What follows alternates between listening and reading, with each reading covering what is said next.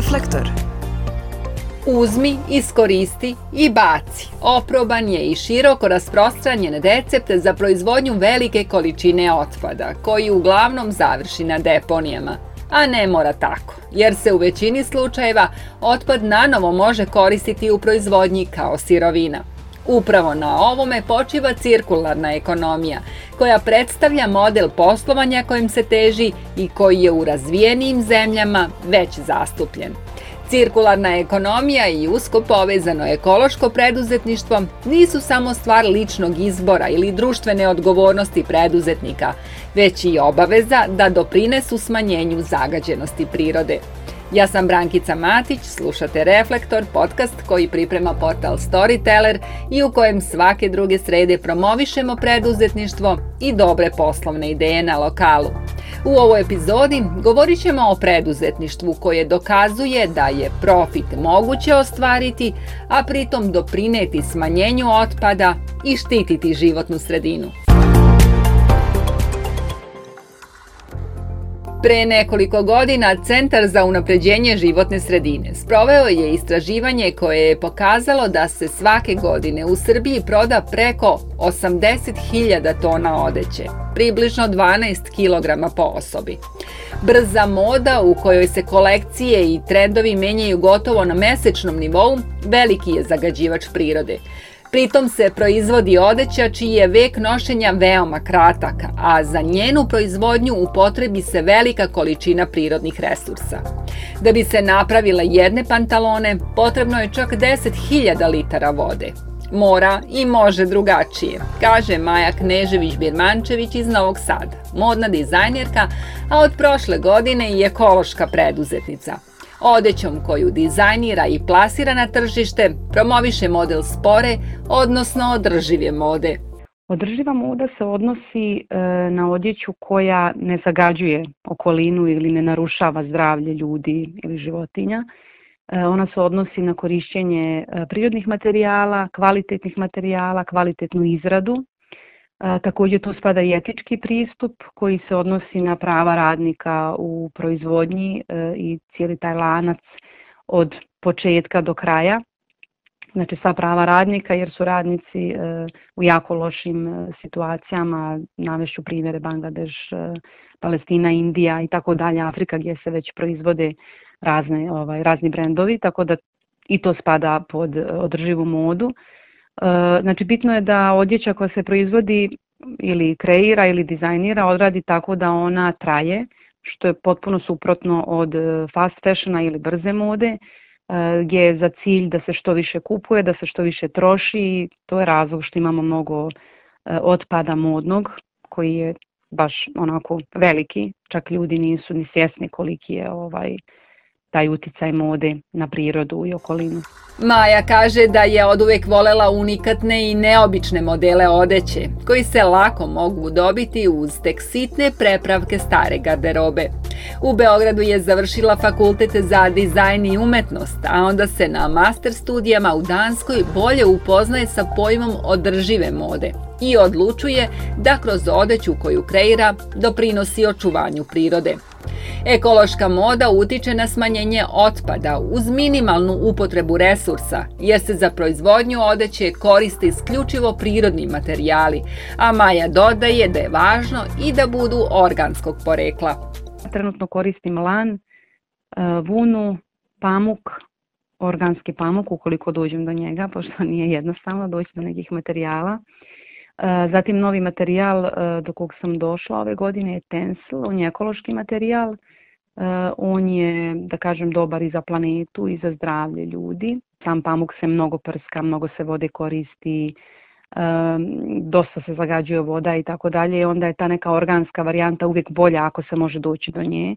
Tako da to praktikujem da dođem do prirodnih i organskih materijala. I vuna recimo da bude 100% ako je moguće jer je vuna često u kombinaciji sa polijesterom, što ja izbjegavam, ali onda imam problem da ne mogu doći do konkretnih materijala.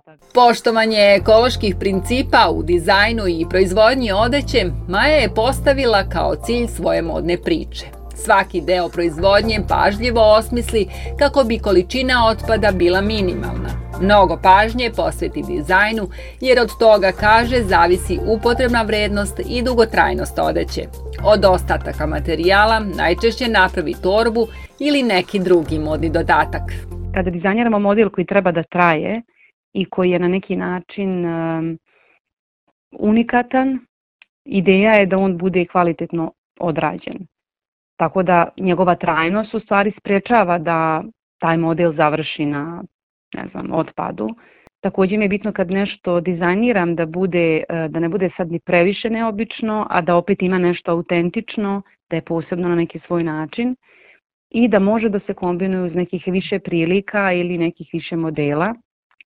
Na taj način e, odjeća će duže da traje i duže da se koristi, tako da je bitno i o tome razmišljati već u samom tom dizajnerskom procesu. A što se tiče um, konstrukcije i krojenja, recimo u toku krojenja nastojim da iskoristim što je više moguće materijala. Kupovina odeće često nije stvar istinske potrebe. Jednostavno je dostupna, a kod ljudi još nije dovoljno razvijena ekološka svest, pa garderobu brzo kupe, kratko nose i lako bace. Maja Knežević-Birmančević svojim modnim brendom ne promoviše samo ekološko preduzetništvo, već i uči ljude da svaki odnevni predmet može dobiti novi oblik i izgled. Uz jednostavne tehnike poput veza, tkanja ili pačvorka, lako se od starog napravi novi i opet unikatni komad garderobe – Raditi u korist, a ne protiv prirode, moguće je u svakoj oblasti. Zelene preduzetničke ideje odlikuje inovativnost i kreativnost, a kao pokretač dovoljna je volja da se menjaju navike i poštuju ekološka pravila. Kako lečiti uzrok, a ne posledicu, bilo je pitanje zbog kojeg je Sanja Žugić odlučila da osnuje ekološko preduzeće Ekoserein koje se bavi proizvodnjom ekoloških proizvoda. Počeli smo firmu 2019. godine u Njujorku dok sam živjela u Americi i e, počeli smo sa akcijama čišćenja e, i pošumljavanja i nakon toga smo uvidjeli jednostavno da postoji potreba i za ne samo da, da, da kažem da lečim posledicu e, svog nemara ljudskog, već da pronađem, to jest da, da lečim uzrok, a to je da zapravo te proizvode koje smo nalazili na tim akcijama čišćenja da ih zamenemo ekološkim proizvodima i počeli smo sa ekološkim četkicama za zube. One su napravljene u saradnji sa stomatolozima, e, čak i dlačice i, i e, oblik same četkice, ceo dizajn, sve je rađeno po tom, da kažem, po tim ekološkim principima i e, naravno savetima stručnjaka i onda smo naravno i proširili asortiman, sad imamo i četkice za dečicu, imamo štapiće za uši, ekološke vrećice za voće povrće, one su 100% pamuka, tako da ceo brend je fokusiran na ekologiju. Proizvodi se prave od bambusa, a prilikom svake prodaje izdvaja se po 100 dinara za organizaciju i podršku u akcijama pošumljavanja širom Srbije.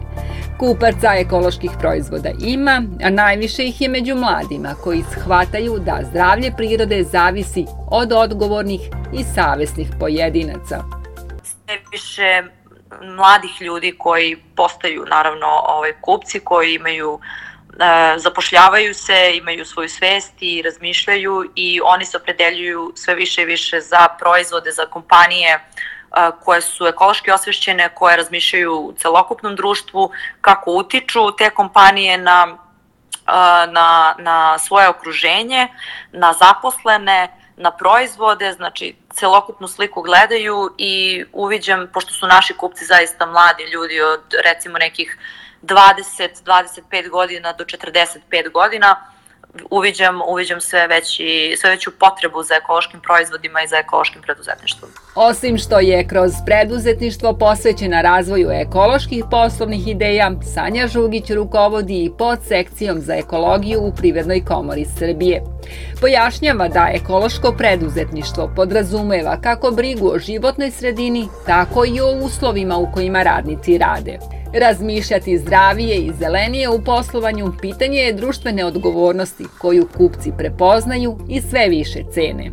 Zato pridržavati se ekoloških principa nije samo stvar uverenja ili ličnog izbora preduzetnika, već je zahtev tržišta, kaže Sanja Žugić, a tu su i brojne regulative koje preduzetnici treba da poštuju ako planiraju da traju u poslu ili da proizvod izvoze na druga tržišta moraju da budu osvešćeni zato što e, razne regulative to nalažu sada. E, ne znam, jeste čuli možda i za CBAM, to je ova mehanizam regulisanja prekograničnih emisija ugljenika, gde naši privrednici koji izvoze za Evropsku uniju moraju e, da dostavljaju izvešta emisija sa efektom staklene bašte za proizvode koje izvoze na tržište Evropske unije. Tako da, e, ukoliko se bavite i nekim proizvodnim e, biznisom i hoćete da sarađujete sa inostranstvom, vi, vi morate da budete osvešćeni, vi morate da budete informisani. Hteli, ne hteli, zaista nas sada pritiskaju, tako da mislim da je to negde i dobro jer e, da nije došlo do svih ovih e, promena u sistemu, generalno u svetu, mislim da da zaista bi planeta ispaštala mnogo, mnogo više. Evropski zeleni dogovor pred zemlje Evropske unije postavlja optimističan cilj da Evropa do 2050. godine bude klimatski neutralna, odnosno da emisija štetnih gasova bude ravna nuli. To znači da je prelazak sa tradicionalne na cirkularnu ekonomiju neminovnost. Srbija je prihvatila principe ovog dogovora i na trasi je puta ka zelenoj ekonomiji. Koliko će taj put biti dug, zavisi od prioriteta države, ali i po najviše od svesti građana njihovog izbora u kakvoj sredini žele da žive, kakvu hranu da jedu i vazduh da udišu, kaže Sandra Kamberović, konsultantkinja za pitanja zaštite životne sredine i cirkularnu ekonomiju. Ono što, da kažem, nedostaje jeste da se na našem lokalnom tržištu prepoznaju proizvodi koji su drživi i da se oni, da oni, da oni postanu vredni oka potrošača. Da prosto se vidi ta vrednost tog proizvoda, zelenog proizvoda koji se plasira na tržište. Zato kažem da je to prosto zajednički zadatak. To nije samo e, problem ili stvar ili zahtev za poslovnu zajednicu i za privredu, industriju ili e, za, ne znam, akademiju i primenjenu tehnologiju i nove inova, inovatore i digitalizaciju i nove tehnologije ili samo posao vlade. Upravo to je ta, to povezivanje, to je jedan sistemski e, e, zahtev u kome svi mi imamo jednaku odgovornost i u kome svi mi zajedno učestvujemo. Prosto mislim da ovom izazovu na taj način treba prići.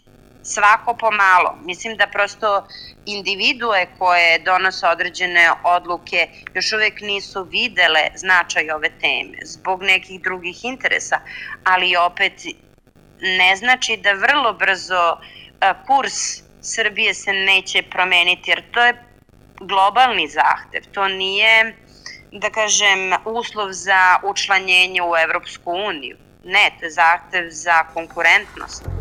Početnicima u preduzetništvu lakše je da razvijaju zelene ideje. Mnogo je teže preduzećima koja u potpunosti treba da menjaju pristup radu, viziju i da postave nove ciljeve. Prilagođavanje principima cirkularne ekonomije zahteva velika sredstva, ali oni koji se opredele za ekološki odgovorno poslovanje mogu očekivati i da im se to vrati, kaže Sandra Kamberović za preduzeće postoje samo kapitalni, kapitalne investicije.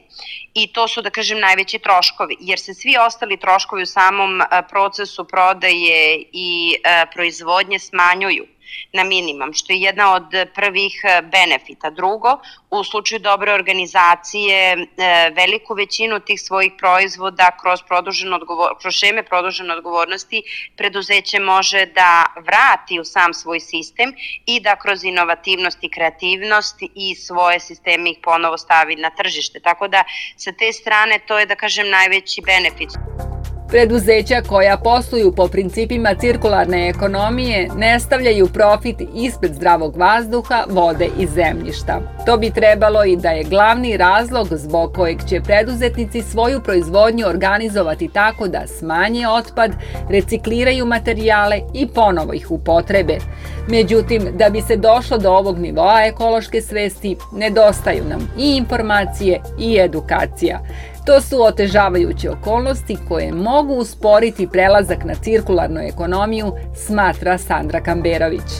Mislim da nam nedostaje edukacija s jedne strane, a ove s druge strane mislim da nam treba uh, opet bolji standard i potrošača i proizvođača i nova tržišta i povezivanje regionalnog tržište, tržišta i ojačavanje lokalnih, uh, lokalnih tržišta a ni edukacija samih građana o toj svesti šta da rade kada im više taj proizvod neki ne treba, kada oni žele da ga zamene, kada, kako da daju novi, novi život nekom proizvodu koji više ne koriste, šta da radi. Mislim, ali kada gledamo globalno temu cirkularne ekonomije, ja sam vrlo optimistična po pitanju Srbije kao lokalnog tržišta.